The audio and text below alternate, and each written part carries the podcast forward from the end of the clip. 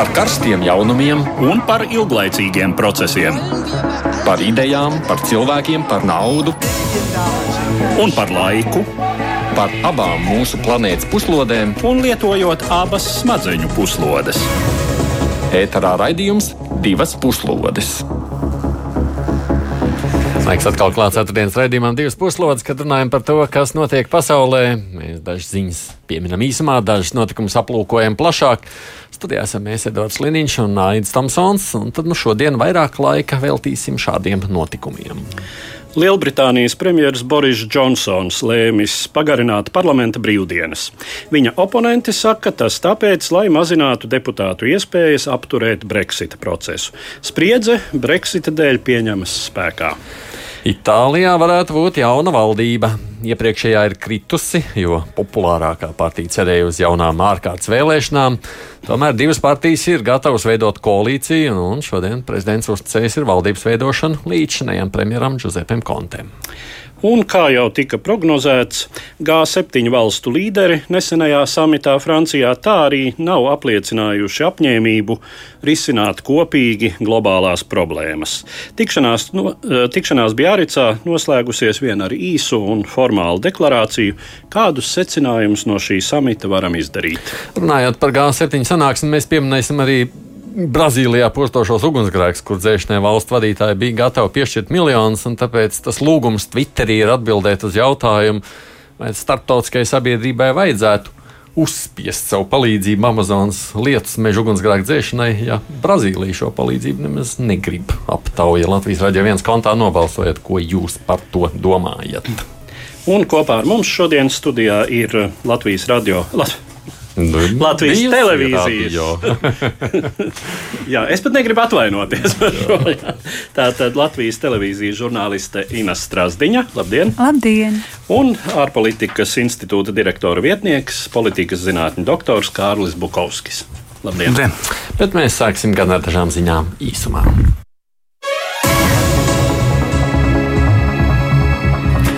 Rumānijas likumdevēji ir noraidījuši likumprojektu, kas politiķiem būtu ļāvis izvairīties no cietumsoda par korupciju.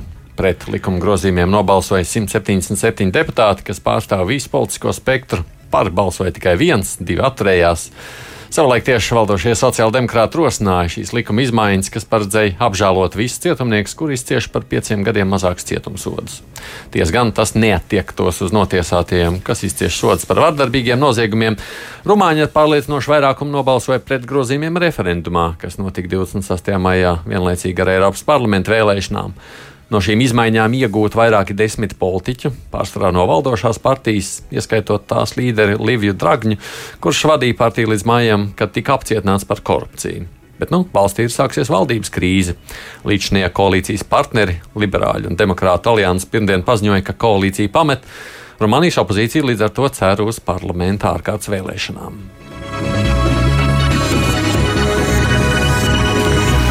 Globālajai ekonomikai par labu nenāk vēl viens strīds Āzijā. Trešdien spēkā stājies ir Japānas lēmums izslēgt Dienvidkoreju no uzticamo tirdzniecības partneru saraksta, kas jau ir izraisījis līdzīgu lēmumu pieņemšanu arī no Seulas puses.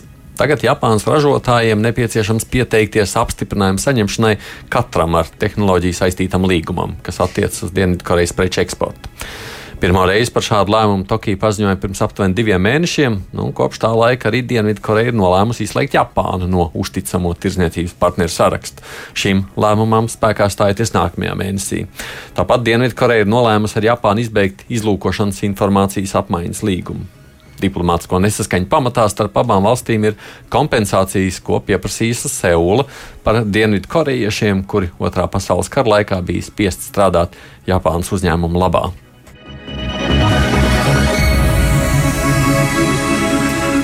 Vairākas žurnālistu apvienības Vācijā ir pieprasījušas, lai iekšlietu ministrija darītu vairāk mēdīju pārstāvju aizsardzībai no galēji labējo ekstrēmistu uzbrukumiem. Atklātā vēstulē iekšlietu ministram Horstam Zehoferam žurnālisti trešdien lūdz dot viņiem iespēju pieprasīt, lai viņu privātās adreses nebūtu pieejamas sabiedrībai. Žurnālisti arī grib, lai iekšlietu ministrija informētu žurnālistus, kur vārdi ir parādījušies galēji labējo ekstrēmistu sastādītā sarakstā, ja attiecīgais žurnālists pieprasa šādu informāciju. Vācijas plašsaziņas līdzekļos aktīvi ir apspriesta ziņa, ka Vācijas nacionālistu grupas ir izveidojušas saraksts ar cilvēku vārdiem, kuru publiskā darbība viņus neapmierina. Tiesa nav iegūta pierādījuma, ka šiem cilvēkiem šobrīd kaut kas draudētu. Tomēr iekšlietu ministrs par sarakstiem ir izteicies, ka Vācija nebīsies no šādiem viltīgiem iebiedēšanas mēģinājumiem. Daudz federālās zemes ir izvēlējušās informēt sarakstos iekļautos cilvēkus. Polijas politikā šķiet, tuvākajos gados izmaiņas nav gaidāmas. Tuvojoties oktobrī gaidāmajām Polijas parlamentu vēlēšanām, līderpozīcijas saglabā valdošā Nacionāla konservatīvā partija Likums un taisnīgums, par kuru gatavs balsot 41% poļu. Tā liecina pēdējās aptaujas rezultāti. Salīdzinot ar jūlija beigām, atbalsts šim politiskajam spēkam ir sarucis tikai par 1% punktu. Savukārt galvenajiem politiskiem konkurentiem, liberālajai pilsoniskajai platformai, tas ir palicis nemainīgs 25% līmenī. Vadošās partijas izredzes uz koalīcijas izveidošanu ir atkarīgs no tā, kādi politiskie spēki iekļūst parlamentā. Kā liecina aptaujas rezultāti, tad jaunajā sasaukumā būs pārstāvēts arī vairākas sīkpartijas. Polijā parlamenta vēlēšanas notiks 13. oktobrī. Likums un taisnīgums pie varas ir jau četrus gadus.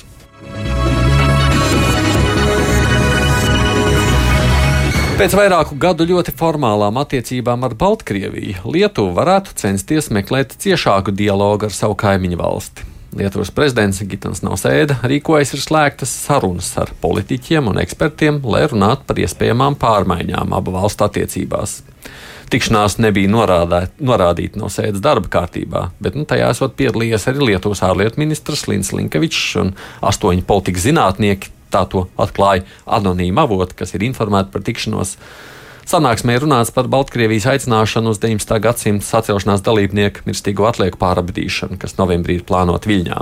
Arī par atomelektrostaciju, kas tiek celta pie robežas ar Baltkrievu identitāti saistīti jautājumi, arī Baltkrievijas attiecības ar Krieviju. Jāpiebilst, ka pēdējo gadu laikā Lietuva bija bloķējusi pat arī Baltkrievijas un Eiropas Savienības līgumu par divpusējām attiecībām.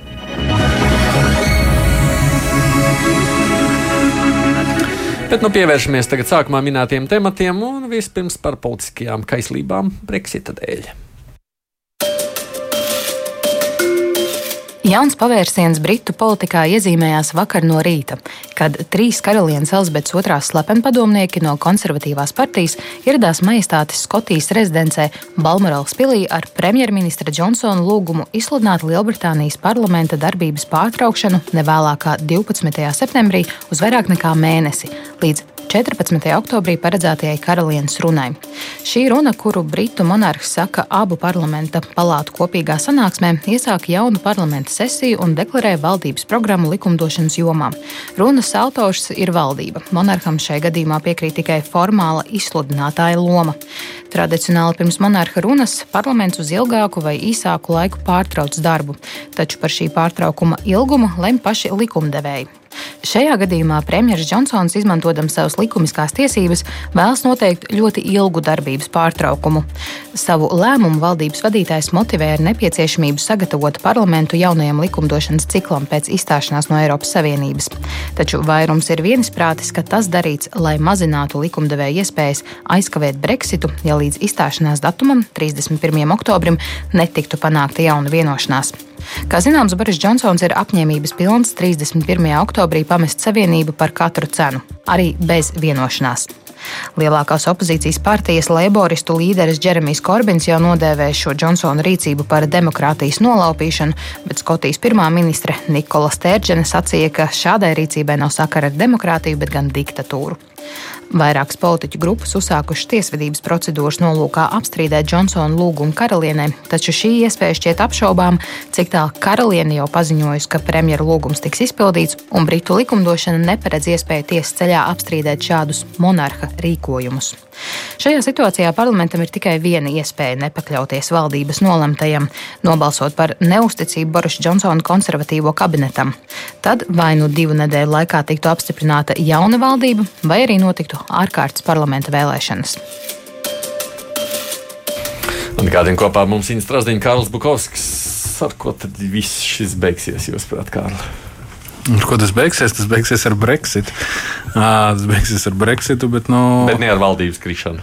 Es domāju, ka nē, ka šajā gadījumā tā valdības krišana, jo, ja mēs, ja mēs paskatīsimies, tad pilnīgi noteikti premjerministram Džonsonam ir, ir, ir, ir tenī, plāns ir un aprēķins ir tenī apakšā. Jo, nu, acīm redzot, mēs redzam to, ka viņš, viņa, viņa nokļūšana arī par premjera amatā viņa bija diezgan pārliecinoša, un šajā gadījumā viņam atbalsts ir, un viņš ļoti labi saprot, kā tā spēle ir līdz galam izspēlējama, un viņš, es domāju, ļoti arī mācījies no iepriekšējās premjerministras Terēzes Mejas pieļautajām kļūdām vai arī veiksmes stāstiem, kas ir bijuši viņas pusē, un acīm redzot, viņa, viņa vēlme šo procesu un būt tam, kas to procesu noved līdz tam lūzuma punktam un līdz pašam, pašam Brexitam vienā vai citā veidā tomēr ir diezgan, diezgan, diezgan acīm redzama. Um, tas, ko parlaments sprāgāšana ir tikai sprāgāšana. Nu, jā, nu, bet te ir jautājums par to, ka, kas ir tās parlamenta sprāgājošās puses. Tās ir opozīcija, bet ko tad šajā gadījumā opozīcija citu darīt? Un teikt, jā, ļoti labs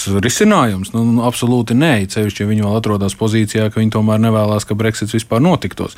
Un šajā gadījumā, protams, ka nu, pat, ja, pat ja šī ir ļoti dīvaina situācija, Brexits kā tāds, un es domāju, ka mēs esam ļoti daudz par šo jau runājuši, un ja šajā brīdī tie svaru kausi ir, nu, kaut kādā bišķiņu, bišķiņu, bet par labu tiem, kas vēlās to Brexit. Viņi acīm redzot, nu, tas ir 51, 55, cik tur tie procentiņi arī parlamentā ir, kas ir par to, ka nu, viņam ir jānotiek. Tad šis ir tas mirklis, kad viņam to īstenot. Jo principā jebkura veida nu, satricinājumi var novest pie tā, ka tās spēles laukums tiek pārskatīts tik ļoti, ka viņu vairs nevar atgriezties pat pie tāda nu, Brexit situācijas. Tas, ka vēl joprojām mēs redzam, ka mēs atgriežamies pie politikas, kurās ir iekšā drāma un, un drāmas radīšana un ir, ir, ir jārada šis moments, lai būtu pilnīgi pārliecināti, ka nu, visi līdzekļi nu, ir bijuši izsmelti. Nu, tā nu tas sanāca, nu, viņi gribēja stāties ārā, mums bija jāstājās ārā, nu, tad attiecīgi mēs arī stājāmies ārā. Jo nu, tas, tas, tas, šis, šis, šis, šim te uh, apziņas mirklim un tas, ka liela daļa cilvēku jau bija noguruši jau pavasarī no šī procesa, un tad pavasarī tā neliela atpūta, kas tur bija, nu, tad tagad mēs atgriežamies pie šī atpakaļ. Bet, principā, redzot, nu, Džonsona kungam ir, ir plāns, kā to visu novest. Nu, man ļoti gribētos ticēt, un ir diezgan liela pārliecība arī par to, ka nu, viņa, viņa pieejā viņš, viņš tomēr, kā viņš ir atklāti arī teicis vairākas reizes, un turpina to atkārtot, ka nu, viņa plānā nav bezvienošanās Brexits. Viņa plānā ir Brexits ar vienošanos. Tas, ka viņš principā, protams, viņam nav atšķirībā no Terēzes Mejas, viņam nav problēma arī teikt, ka nu, mēs varam arī iziet bez vienošanās. Tas ir, protams, ir tā liela atšķirība ar viņiem abiem diviem. Bet arī pašā laikā, ja mēs paskatāmies, kā tas process šobrīd ir virzījies, tad mēs skaidri un gaiši redzam, ka tas jautājums, par kuru arī šobrīd būs diskusijas, tūlītās, nu, tūlīt ne tūlītās, pār dažas nedēļas vēl paies, bet būs diskusijas arī ar Eiropas komisijas pārstāvjiem, ir par jautājumu, ko īstenībā paši, pat Lielbritānija arī ielika līgumā iekšā. Tas ir jautājums par īrijas robežlīgu. Tas sākotnēji, godīgi sakot, tas ir lielā mērā mērā tas ir īrijas un Lielbritānijas divpusējās attiecības, vai pat Lielbritānijas iekšējais jautājums, bet viņi viņu gribēja paši tajā līgumā ielikt iekšā. Viņi to ielika, un tagad viņi ir tie, kas viņu ir padarījuši par to. Nu, vai Džonsona gadījumā viņš viņu ir padarījis par to lēmumu mirkli, par to uh, ūdens šķirtnes mirkli, kad nu tad vainu vainu. Okay. Ina, vai tu paredzi, ka Brisele piekāpsies?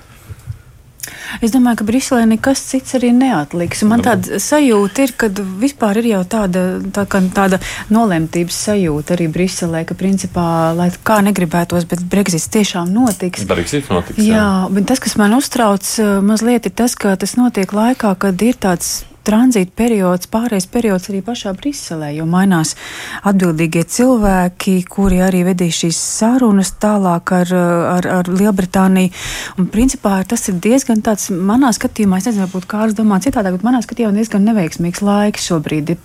Teiksim, sarīkot Brexitu, kad arī pati Brisele vēl veido komisiju, vēl komisāri tikai būs. Šobrīd un... jau tās sarunas jāveido vēl esošajiem līdz tam oktobra beigām. Tā kā reāli jau beigās veidos šī komisija. Ne? Principā, nu jā, tas viss jau, protams, pēc tam, pēc tam jau tā lielā jēzga tikai sāksies un, un, un notiks. Bet ja vienošanos noslēdz, tad noslēdz esošā komisija. Noslēdz esošā komisija, bet ar aizējošu tādu būtībā noskaņojumu, jo Junkers jau arī, kā mēs saprotam, vairs nebūs, nebūs arī Barņē, visticamāk, kurš bija sarunvedis no Eiropas komisijas puses. Tā, tā kā... varbūt viņiem bija vieglāk noslēgt, tāpēc, ka viņi aiziet. Savā ziņā, jā, darbs ir izdarīts. Jā, bet, nu, teiksim, tāds īstenis Eiropietis, domājot par to, kā būs uz priekšu, un viņi jau visi tomēr ir Eiropa eiropeiski cilvēki, es domāju, ka tas nav vienkārši. Bet vai šīs izmaiņas vēl nav jāapstiprina arī ja visiem parlamentiem, ja arī tajās, no, tajā līgumā tiek veikts izmaiņas, ir vai ne? Tas nozīmē, ka vēl jau visām 28 valstīm ir savs vārds sakāmais. Nu, un paliek jau jautājums, kas tās var būt par izmaiņām. Jo, kā zināms, viss ir apstājies pie šīs problēmas ar īrijas robežu. Tas jau ir tas, kam nekādi netiek apkārt. Kā saglabāt atvērtu robežu starp īrijas republiku un Ziemeļīriju, pie tam neupurējot uh, nozīmīgas īrijas republikas ekonomiskās un arī politiskās intereses, un tajā pašā laikā Lielbritānijai kļūt par valsti ārpus Eiropas Savienības, kas nozīmē muitas procedūras, kas nozīmē atdalīšanos no kopējā tirgus un tā tālāk. Un tā tālāk. Tā tad, kur var būt, es, es taisnību sakot, neredzu eh, kādu manevra telpu, īpaši, ja Eiropas Savienība neatmet līdz šim allaž deklarēto principu, ka Savienības dalību valsts, proti īrijas intereses, vienmēr būs primāras attiecībā pret kaut lielas un potenciāli nākotnē nozīmīgas partnervalsts Lielbritānijas interesēm. Bet tātad aizejošās Lielbritānijas intereses uh, allaž tiks mazāk respektētas. Nu, tāda līdz šim ir bijusi pozīcija, tāda joprojām ir Eiropas Savienības deklarētā pozīcija. Neviens Briselē šobrīd nav teicis, ka viņi ir gatavi uh, tādā vai citādā veidā padoties šai, nu, nu teiksim, šim blefam vai šai šantāžai, par kuru Londonas un sevišķi konservatīvo partijas politikas sakarā runā jau sen. Es atceros jau apmēram pirms pusotra gada, ja atmiņa man nebija, tad runājot Briselē ar deputātiem no partijas Sinn Fein. Uh, viņi izteica tādu viedokli, ka nu, tas ir blefs, ka tas ir blefs, ka mm, Britu uh, konservatīvie politiķi tā ir ieraduši veidot savu dialogu arī valsts iekšienē bieži vien, uh, un tā viņi mēģina veidot dialogu ar Briseli. Uh, tā tad līdz pēdējiem brīdim, um, nu, tracinot šo, savu partneri ar šo iespēju, ka jā, izstāsimies bez vienošanās, un tad mums visiem būs slikti, nu tad panākt kaut kādu sev vēlamāku rezultātu. Jā, mani pārsteidz, pārsteidza tas brīdis, kad Boris Džonsons kļuva par premjerministru. Uh, nu, cilvēks, kurš ir gatavs bez vienošanās Brexitam, nepārprotami, tas nav tikai blefs. Es domāju, ka, uh, ka tā ir viņa politiskā pozīcija. Uh, un, nu, tur jau bija sagaidāms šāds rezultāts. Um, vienīgais, kas man nav īsti skaidrs, vai Džonsona kungs pilnībā apzinās, kas būs 1. novembrī. Nu, gan jau viņš apzinās, nav jau tā, ka viņš galīgi nē, nē, nu, viņam, viņam ir savas domas par jā, to, kas jā. būs, bet, uh, bet cik šīs domas uh, ietver visu tā sacīt, realitātes spektru. Nē, es pareizi saprotu, ja tā viņa nostāja tāda, nu, ja, ja Eiropa ir gatava tur kaut ko pārskatīt, jā, nu, ja nē, tad ejam uz to bez, bezvienošanos un cauri. Nu, apmēram tā. Jā, bet uh, tas, tas stāsts jau ir tenī, ka viņš ir uh, izvirzījis pats jautājumu, par kuru īstenībā Eiropas Savienībā varbūt tās ir tā mazākā sāpe. Nu, respektīvi, šajā gadījumā viņš ir uh, kaut kur pat, viņš ir ļoti politizēts Lielbritānijā, bet no Eiropas Savienības viedokļa viņš ir salīdzinoši tehnisks jautājums. Kurš? Un tāpēc, nu, par, par, par robežu ar, ar, ar, ar, ar īriju. Um, jo te, te, te ir stāsts par to, ka principā no visiem jautājumiem, ko viņš varēja pateikt, ka mums nepatīk tas, tas, tas un tas un tas, un tas ka beigu beigās tā, tas strīdus robežu jautājums jau visu laiku bijis, man liekas, tas galvenais. Arī tāds, bet kā es jau arī teicu, ka tas principā ir, ir Britu pašu. Uh, Bet jautājums, kā viņi atrisināt tas, ko Edvards kā viņi atrisināt, ir, ir... Ievēro, ievērojot visu, kas vēsturiski ir saistīts ar Ziemeļīrijas pilsoņu karu faktiski vairāku desmitgažu ilgumā un pēc tam miera procesu, kas ir samērā jauns process. Būtībā tikai 90. gadu beigās šis noregulējums tika panākts. Un, Visu laiku šis process ir balstījies tajā situācijā, ka abas valstis ir Eiropas Savienības dalība valstis. Tātad ļoti daudzas problēmas atkrīt automātiski. Un tagad šīs problēmas, kā saka, lien ārā kā īlena no maisa. Nu, teikt, ka tas ir tehnisks jautājums no Eiropas Savienības puses, es īsti laikam nepiekrīstu.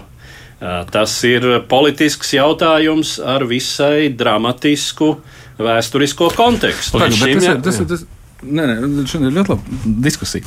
Uh, jo te, te, ir jautā, te ir jautājums par to, vai viņš ir būtisks vai viņš nav būtisks tīri no Eiropas Savienības, uh, kā uh, muitas savienības, kā tirzniecības organizācijas viedokļa. Te, tas ir, tā, te ir tā puse. Otra puse ir jautājums par to, ka uh, problēmas ir Belfāsts, problēma ir Ziemeļīrijā. Kara darbība, tāda kāda viņa notika, viņa notika Ziemeļīrijas teritorijā, un Ziemeļīrija ir Lielbritānijas sastāvā. Te nav runa par to, ka tā kara darbība būtu notika. Tas, ka viņu īrijas republikā ir cilvēki, kas ir atklātā veidā atbalstījuši to, ka īrijai ir visai salai un visai valstī ir jābūt vienotai, tas ir cits Bet stāsts. šeit nav stāsts Bet tikai te par kāru vienu. Šeit ir stāsts, protams, par ekonomiku, preču apmaiņu, darba spēku kustību un vispār. par to jau ir stāsts. Te jau ir stāsts. Te jau ir stāsts par to, ka šobrīd tas, ka viņi ir, ir faktiskā Schengenas situācijā, ir, ir radīja, radīja to priekšnosacījumu, kas principā ir savā veidā Jā, bet tad- fizi- bet tad tas faktiski vienīgais risinājums ir vienotu īrijas salu. Bet tas tieši tā. vienīgais risinājums ir uzlikt to robežu atpakaļ. Nav jau cita. tad. Nē, nu šobrīd ir tas pats, ko arī Džonsons arī pats ir aizstāvējis. Ir tas risinājums, ka lūk, viss elektroniski var uh, reģistrēt, visas mašīnas var reģistrēt elektroniski, visas preču kustību var reģistrēt Jā, elektroniski. nu, tas ir tāds pieņēmums, ka tā var. Nu, Nu, bet to var to uzliekot to kā obligātu pienākumu, tas arī ir atrisināms. Šajā gadījumā mēs runājam par valdībām, kas pieņem lēmumus. Šis varētu- uzliek par obligātu, nu, ja tu negribi neko vest, ja tu negribi likt reģistrātoru, tad tu nevari arī neko vest. jā, nu, Paldies, muita neiet cauri. Ina, ko tu saki par Eiropas Savienības nu, spēju, nu, pieņemsim, labi, taisām elektronisko robežu ar Angliju? Vai, vai, vai Briselē būtu iebilduši? Es domāju, ka jebkurš risinājums, kurš izslēdz konfliktu un, un, un tāds sarežģījums ir, ir, ir pieņemams un, un, un gan jau arī pie tā nonāks. Bet es arī gribēju uh, piebilst, ka tas īrijas jautājums tomēr arī ir tāds um, mazliet principu jautājums. Piemēram, es pati runājis ar īriem, kuri arī dzīvo šajā situācijā, un, protams, viņi uh, saprot, ka tur jābūt ļoti, tur būs kāds pragmatisks un tehnisks risinājums, kā šo robežu sadalīt, bet, um, bet tie cilvēki, kuri uh, tagad faktiski dzīvo uz šīs uh, robežas un, un, un, un pie šīs pat arī vienkārši tur esmu bijis ar viņiem runājis, viņiem, viņiem šī situācija ir arī tāda um, tīri emocionāli smaga, ja, ka, ka nu labi, mēs kaut kā to, to tā praktiski atrisinām un skaidrs, ka Lielbritānija iet projām, bet tajā pašā laikā cilvēciski viņos tas tiešām uzvanda, kā Edvards minēja, arī atmiņas par, par, par, par šiem uh, kara laikiem un, un konflikta laikiem, un tas arī ir tāds Eiropas Savienībai kopumā drošības jautājums, jo tas būs tāds precedents, uz kuru pēc tam varēs atsaukties, ja kaut kas notiks noies šķ- šķērsām, jā, tā kā, bet nu kā šo robežu risināt un kā to praktiski panākt, jā, ir viens šis elektroniskais tā kā variants, ka to tā varētu, un, un, bet neviens jau to dabā nav pārbaudījis. Kā tas būs, mēs Te- jau nezinām. Te ir tas jaukais tēls, kas vienmēr šādos gadījumos parādās. Tad Čālijs šortos iešļūcenēs un ar Coca-Cola buļbuļsu vienā un uh, hamburgeru otrā rokā, kurš pie sava datora klaviatūras notraucot attiecīgi druskas, uh, risina starpvalstu attiecību problēmu. Ja? Uh, Nu, tātad, mm -hmm. Tas ir tas, kas ir elektroniskā robeža, ja? uh, populārā priekšstatā. Nu, cik mēs varam paļauties uz to, kas notiek datoru iekšās un uz tiem cilvēkiem, kas šo procesu. Labi, eh, es redzu Bukovskas kunga sejā. Nu, labi, labi, ne, mēs, mēs, Nē, bet ir, es, es vēl gribu Labi, ka mēs neesam tie, Ir- kuriem jāizlemj. Jā, jā, labi, bet ir, ir, vēl viens, ir, vēl viens, ir vēl viens tāds zīmīgs moments, ka, ja teiksim, pirms gada par to, ka šis varētu būt iemesls atgriezties pie jautājuma par vienotu īrijas valsti visas īrijas salas apjomā, proti par Ziemeļīrijas atdalīšanos. Ja par to runāja tiešām pirms gada tikai Sinn Fein, kurus uzskata īrijā par radikālu partiju, tad pirms kādiem mēnešiem par to ierunājās jau īrijas premjerministrs Varatkars.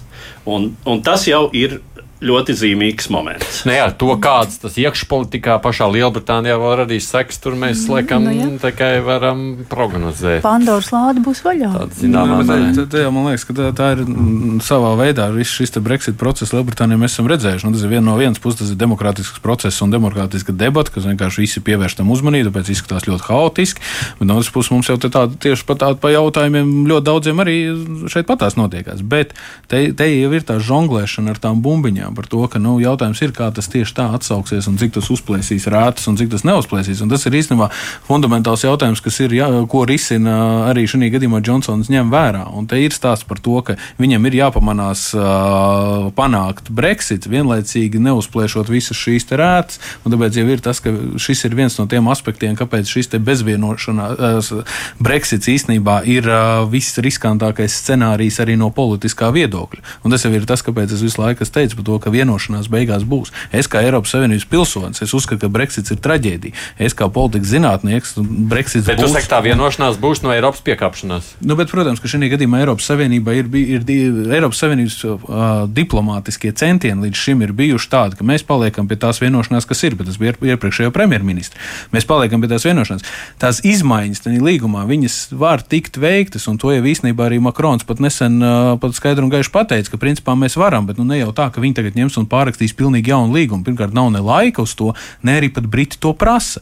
Viņi prasa labojumu šajā te jautājumā. Tas ir tas centrālais jautājums, uz kuru viņi grib, uh, par kuru mēs visu laiku runājam. Bet šis te jautājums ir atkal jau Lielbritānijai. Viņš ir pat mm, gan politiski, gan ekonomiski jūtīgāks nekā, nekā viņš ir varbūt tās pārējai Eiropas Savienībai šajā te stāstā. Izņemot Tāpēc- Īrijas tāpēc- republiku. Tā kā es domāju, ka Īrijas republiku, ļoti bet atkal daudz, kas, Īrijas republika- ļoti daudz kas tiks izlemts, es domāju, tomēr Dublinā. Ja Eiropa joprojām ir solidāra valstu savienība. Nē, absolūti. Ir- Īrija, īrija tiek ņemta vērā, bet jautājums par to, ka vai īrija būs beigu beigās tas, kas būs izšķirs Brexit nākotnē, es domāju, ka tomēr tik, tā nebūs. Jo atkal jau jautājums ir par to, ka pat īrija tajā konfliktā tiešākajā veidā, līdz cik nebūtu sav, savdabīga, bet viņa pat nav tas, kas ir iesaistītā puse. Nē, labi, ir arī ieinteresēti, protams, risinājumi. Viņiem jau arī bez vienošanās Brexits nav nekāds risinājums. Un viņiem viņš ir traģiskāks no viņu viedokļa raugoties. Viņi visu laiku ir uzsvēruši to, ka viņiem traģiskākais mirklis ir tas, cik ir 400 tūkstoši cilvēku, kas zaudēs darbu tikai tāpēc, ka ir tirzniecība starp Lielbritāniju un, un Īriju katru, katru dienu, katru nedēļu. Jā. Nu, te, protams, mēs varētu klausītāji ir šādi iesaistījušies ar savām diskusijām. Te piemin arī dažādus citus aspektus, kas, viņuprāt, Lielbritānijai ir izdevīgi. Arī ar, pat, ja tā ir bezvienošanās, bet, nu, labi. Es saprotu, ka šis būs nākošo nedēļu jautājums. Jebkurā gadījumā atkal divās puslodēs mums, tāpēc mēs jau no tā neizbeigsim. Ejam uz priekšu, domājot tālāk par vispārējo, kas ir Boris Džonsons, bija dalībnieks arī G7 valstu vadītāju sanāksmē. Par to turpinām.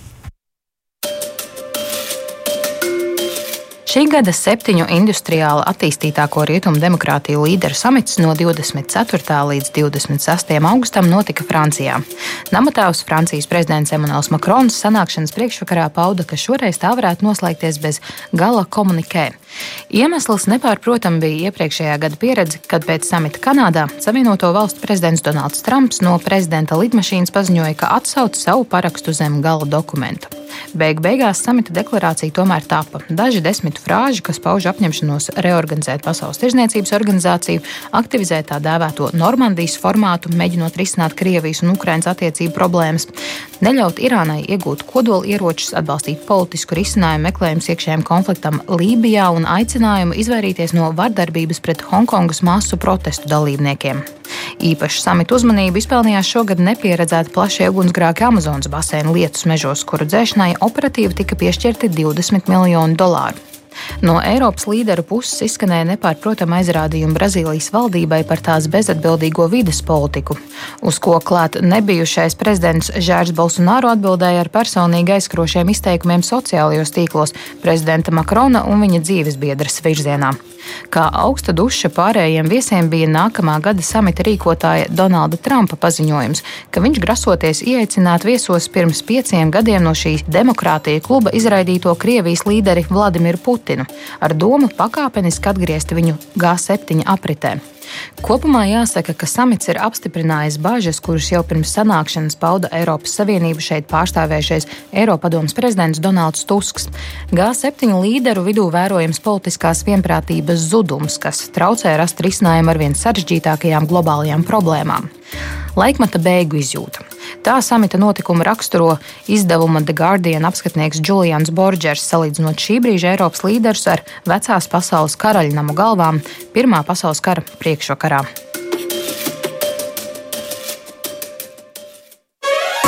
Divas puslodes.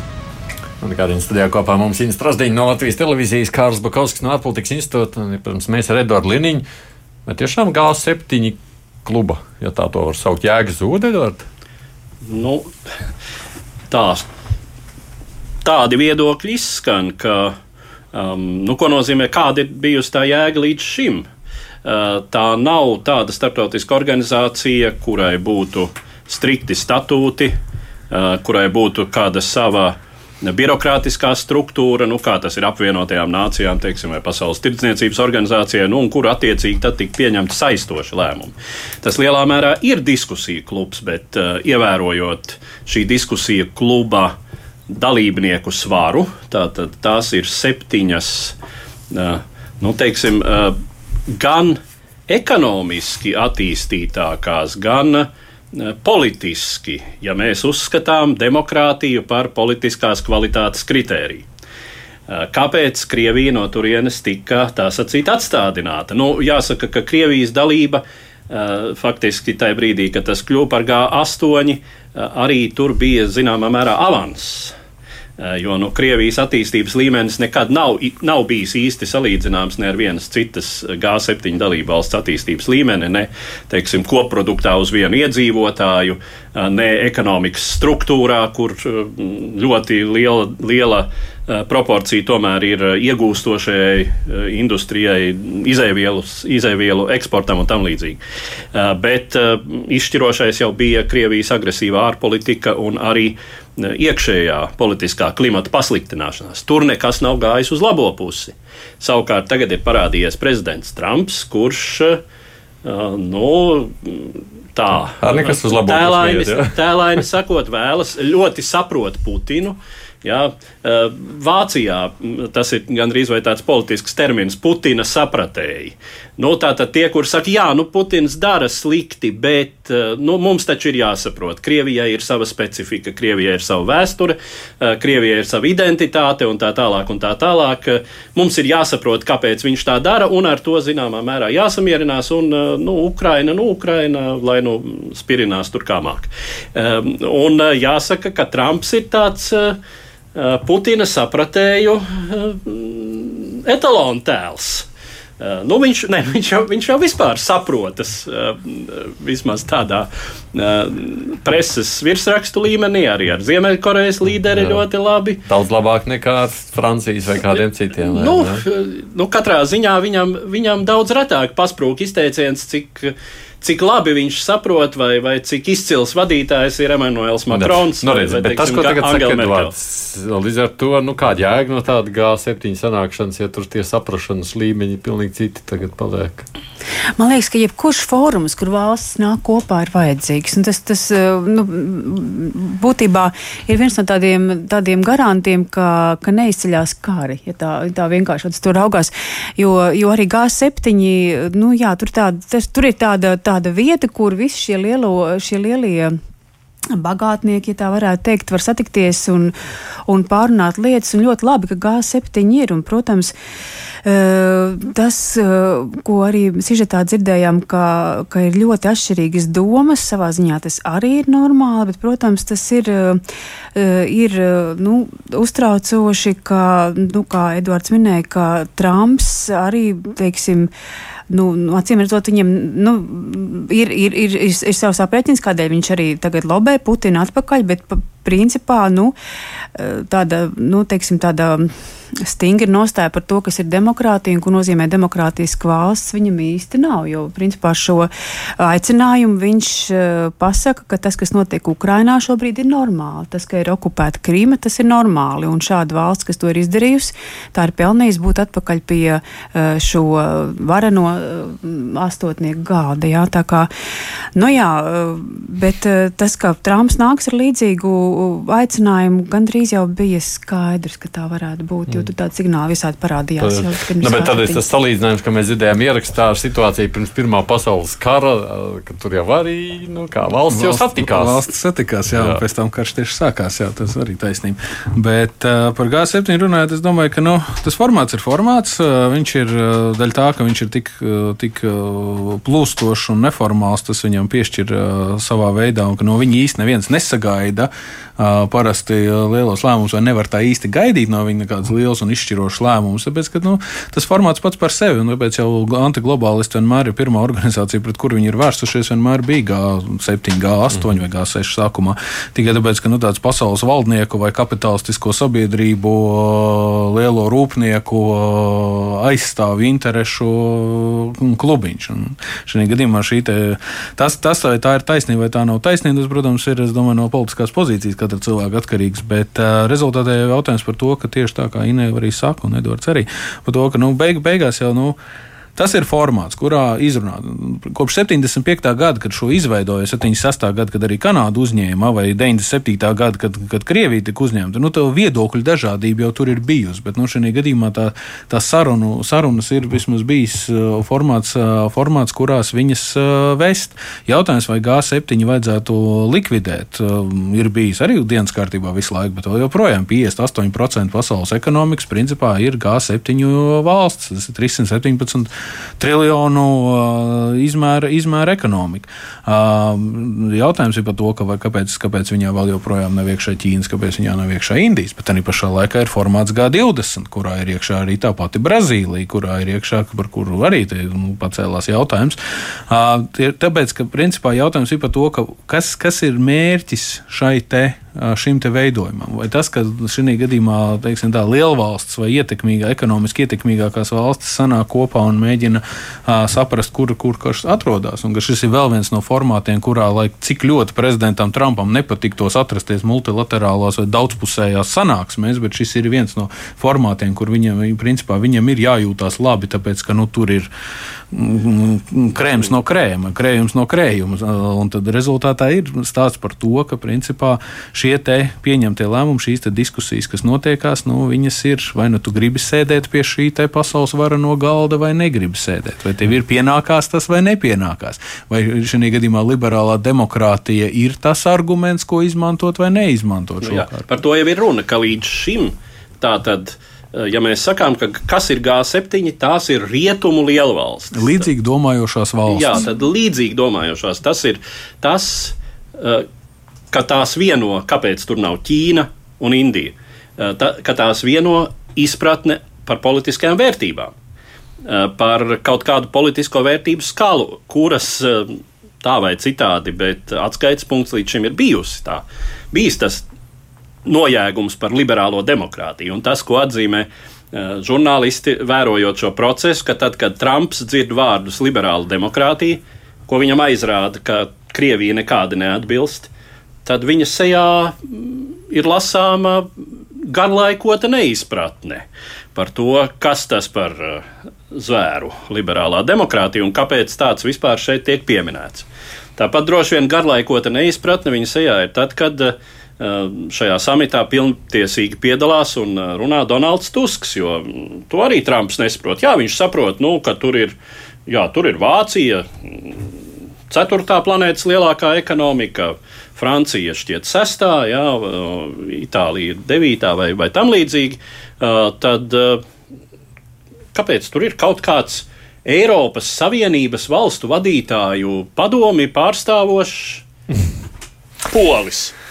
Bet Jā, vien, vienīgais, ka šis polis šajā gadījumā Trumpa kungam vajadzētu priecāties pat savā veidā par šo. Tikai tāpēc, ka tas polis tomēr viņš nav līdzvērtīgā statusā, viņš ir pakārtotā statusā tikai tāpēc, ka Eiropas Savienība ir novērotāja. Tā kā savā veidā Latvija arī piedalās G7 nu, tikšanās. Tā, bet uh, jautājums, jautājums, protams, ir par to, ka nu, prezidentam Trumpam acīm redzot, ir skaidri un gaiši jāredz, ka ne, viņi sēž uz aizmugurējā beņķa, nevis pie viena galda. Visās bildēs viņš jau nevar parādīties, tāpēc ka G7 nav formāts, kurās tā kā viņu Par, gās, par Itāliju mēs tulīt runāsim. Mēs tikai jautājām vienu no lietām, ko tur paspēja pārrunāt G7. Tas bija par Brazīlijas ugunsgrēkiem un tieši tiem 20 miljoniem mēs prasījām, vai tur vajag uzspiest to palīdzību. Twitter lietotājiem, ja pat Brazīlijas prezidents saka, mums nevajag.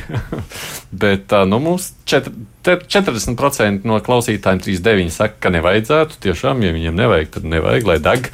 61% saka, ka tomēr vajadzētu. Kā te raksta, gal galā ugunsgrēks netikmē Brazīlija, bet visas. Bet mums arī te ir vairāk citu tekstu, sakot, piemēram, Amazonas lietas meža nav problēma, vai precīzāk sakot, tā ir pārspīlēti. Tie meži šobrīd tur neizdeg vairāk kā citus gadus, un kas gan ir 20 miljoni vai G7 nevarēja samest vairāk. Armāns no, no it... Krievijas meža ugunsgrēki ir lielāka problēma. Nē, nē, it kā jau nu degot gan uh, šo šobrīd Brazīlijā vairāk nekā statistiski, krietni vairāk nekā pagājušajā gadā. Cita lieta, kā nu pat parādījās informācija, ka Ekvatoriālajā Āfrikā, pareizāk sakot, uz dienvidiem no ekvatora. Āfrikā deg vēl stiprāk, tikai to neviens nav, nav pamanījis. pamanījis. Nu, Krievija arī tur tā, man te īmans raksta, tur četreiz lielāka platība Krievijā degot šobrīd tundra nekā. Ne, nu, nekā vispār šobrīd tā iga, tā iga. Tā iga tundra. Jā. Tundrā īsti nav kam degt. Tundrā savukārt iet uz galu mag, uh, mūžīgais sasalums, kas ir nemazāka problēma. Un arī saka tieši tāpēc, ka deg visapkārt. Es arī atzīšos, es arī piedalījos aptaujā Twitter. Oh. Un es nobalsoju par to, ka vajag uzspiest. Es nezinu, godīgi sakot, man liekas, ka tā tiešām ir milzīga problēma. Un klimats, es jau arī nesen uzrakstīju tādu LSM rakstu, jo es vienkārši pēdējās dienas tā vairāk paskatījos tās klimata tieši ziņas un tiešām, nu, mēs jau nevaram būt visur klāt, jā, nu, mēs nevaram aizbraukt tagad uz Amazonas mežiem un apstīties savām acīm, kā tur tiešām deg, jā, bet tā informācija, kas ienāk publiskajā telpā, tiešām ir briesmīga. Un es domāju, ka, uh, nu, klimata, personīgi es uzskatu, ka klimata problēma problēmas būs aizvien lielākas un ugunsgrēki būs aizvien lielāki. Par to uzspiešanu dabiski negrib Brazīlijas. Kura valdība gribētu, ka uzspiež kaut ko no malas vai ne? Bet, bet es arī uzskatu, ka tā ir pasaules problēma, tā ka tās tiešām tikai. ir pasaules plaušas. Mēs ejam uz priekšu, piedod, Kārli. Vēl viens temats mums ir Itālijas iekšpolitiskā krīze. 14 mēnešus ilgais Itālijas premjera partijas piedzvaigžņu kustība pārstāvja Giuseppes Kontes valdības cikls noslēdzās 20. augustā, kad savu atbalstu viņa kabinetam atsauca otra koalīcijas partija Labēja radikālā līga. Līgas līdera Mateo Salvīnī nolūks bija visai nepārprotams - inicēt ārkārtas parlamenta vēlēšanas, kurās viņa partija, spriežot pēc reitingiem, varētu vairot savu ietekmi. Šis aprēķins gan izrādījies aplams, jo piedzvēžņu kustība operatīvi uzsāka sarunas par jaunas koalīcijas izveidi ar kreisi centrisko demokrātisko partiju. Redzot šo attīstību, Salvīnī uzsāka politiskus manevrus, solot atjaunot koalīciju, ja Konti premjera amatā nomainītu piedzvēžņu kustības priekšsēdētājs Luigi Di Maio. Taču pēdējais neizrādījās šādu uzpērkams. Tad nu, līgas vadonim šobrīd atliek vienīgi pravietot, ka itāliešu tauta celšoties sodīt savus principus nodevušo piedzvaigžņu kustību un demokrātus, kuri raujoties pie varas pret tautas gribu. Te gan jāpiebilst, ka Līgas frakcija parlamentā nav neko daudz lielāka kā demokrātiskajai partijai. Demokrātiem, kas pārstāv klasiski sociāldemokrātisko ievirzi, ir diezgan daudz saskars punktu ar piedzvaigžņu kustību. Vides aizsardzības jautājumos un arī partiju sociālās programmas varētu būt salāgojamas. Vakar abas partijas vienojās par koalīcijas izveidu un šodien savu mandātu Giuseppes Kontes otrās valdības veidošanai deva arī Itālijas prezidents Sergio Mattarella. Jāpiebilst, ka jauno valdību gaida nopietnas pārbaudījums apstiprinot nākamā gada budžetu, kuru Eiropas Savienība vēlas redzēt sabalansētāku nekā līdz šim.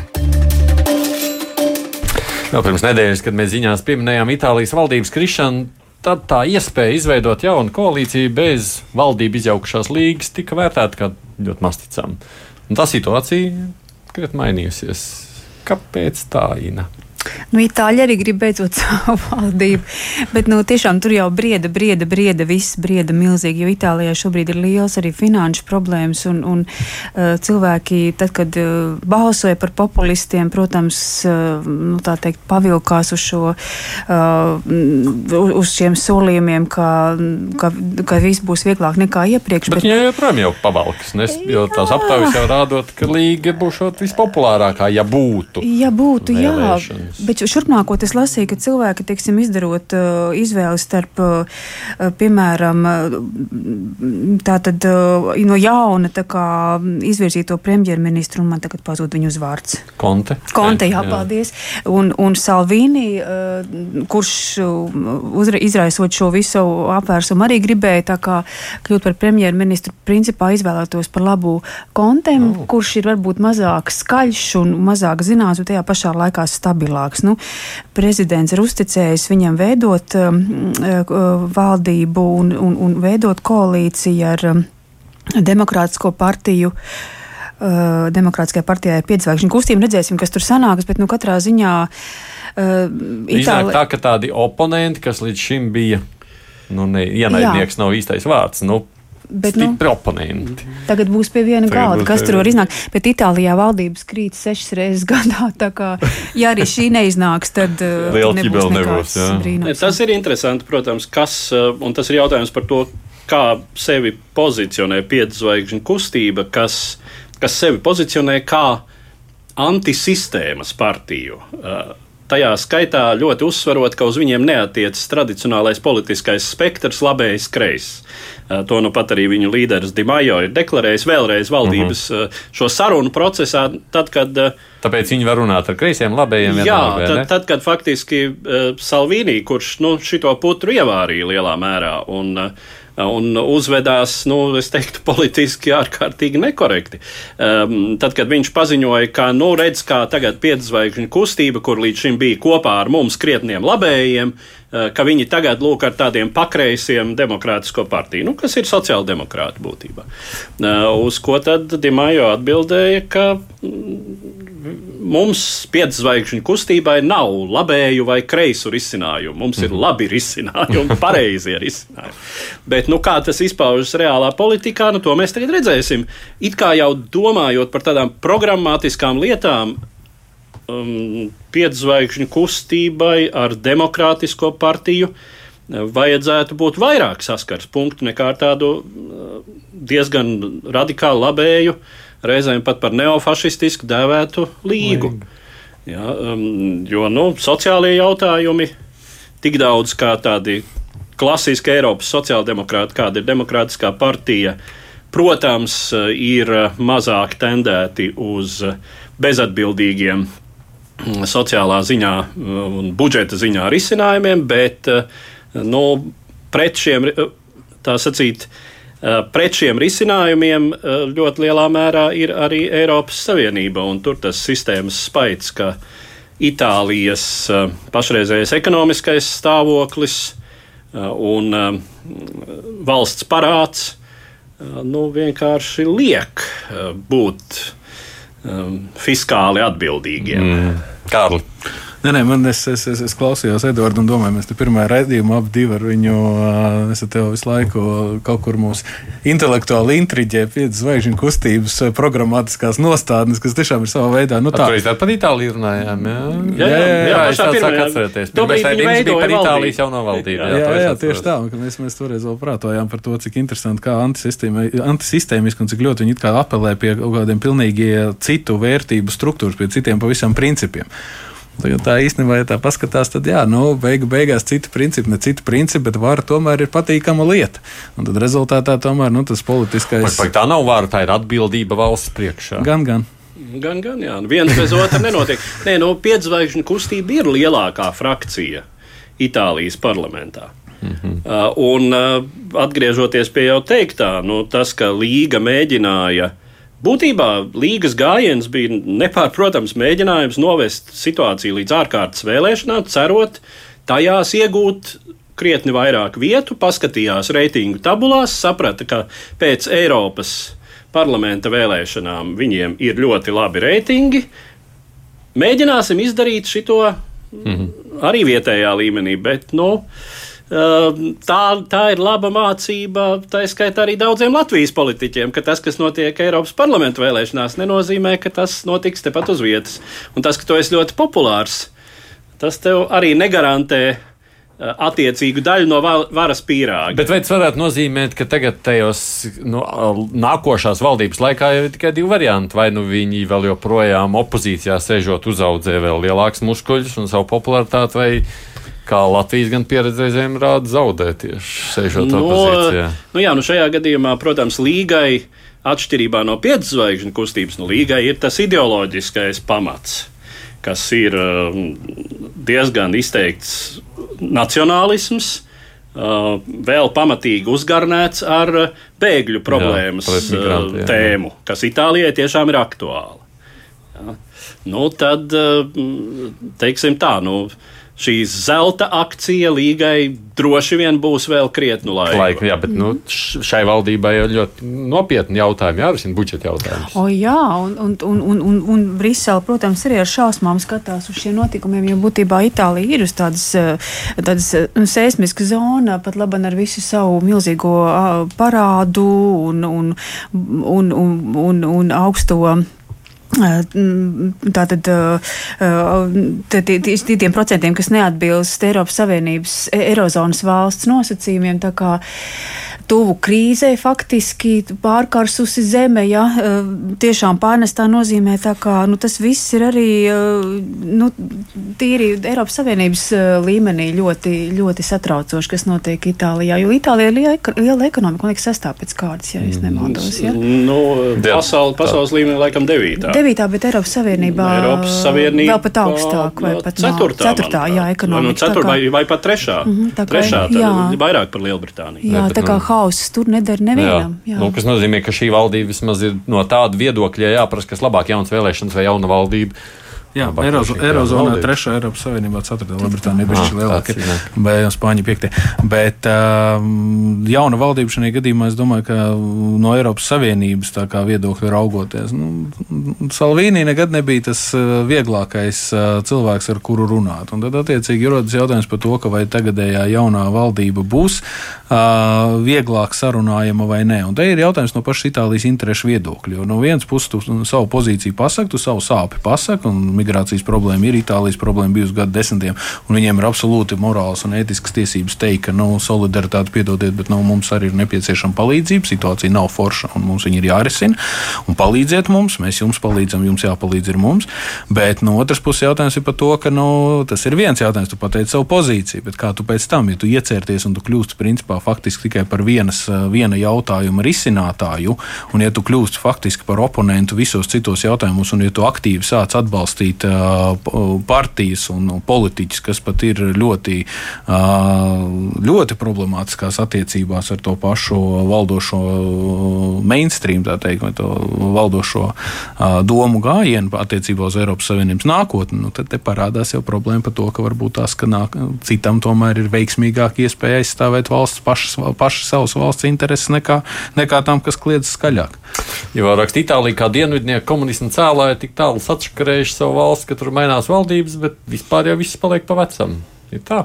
Nu, tā droši vien īsti nevar Nē, nu, teikt. Kaut kur, kaut, kur, kaut kur savā veidā, bet Latvijas gadījums ir ļoti līdzīgs. Nu, mums nepilnīgi 30 gadu laikā ir bijuši 14 premjerministri, 21 valdība. Jautājums, vai mums ir bijuši strauji pavērsieni pa labu vai pa kreisi ekonomikā, nu, tā īsti jau nav. Mums, ir, ka, mums vienmēr ir bijuši kaut kādi virsmērķi, kas ir vai nu tur mm, sistēmas nomaiņa, vai iestāšanās Eiropas Savienībā, vai tā kā nākamais, nākamais, nākamais posms, un vienmēr ir bijis tā kā nu, Eirozona, respektīvi respektīvi, vai tur OECD, vai tagad nu, prezidentūra un tā tālāk, kas, kas tikai mums nav bijuši. Nu, prezidentūra OECD laikam otrādi chronoloģiski. Bet uh, fakts kā tāds, ka mums tas vienmēr ir bijuši tie virsmērķi, uz kuriem mēs esam gājuši. Bet nu, beig, beigās tās kosmētiskās izmaiņas vai atsevišķie lēmumi, tad jau mēs redzam, kurš viņus kurā brīdī pieņems. Itālijas gadījums, acīm redzot, tas pats. Vēl jau redzēsim, kāda būs vienošanās un beig, beigās, kas tad, ko tad tā nākamā valdība darīs. Bet es jums saku, paldies! Mums ir jābeidz stāst par Itāliju un ne tikai Latvijas televīzijas žurnālists Tīns Strasdiņa, ārpolitikas institūta direktora vietnieks, doktors Karls Bakovskis, protams, arī Edvards Liniņš, es Aidis Tomsons, producenti Ieva Zējas, tad jābija Aidis Tomsons, tātad tiksimies atkal nākamreiz. Divas puslodes!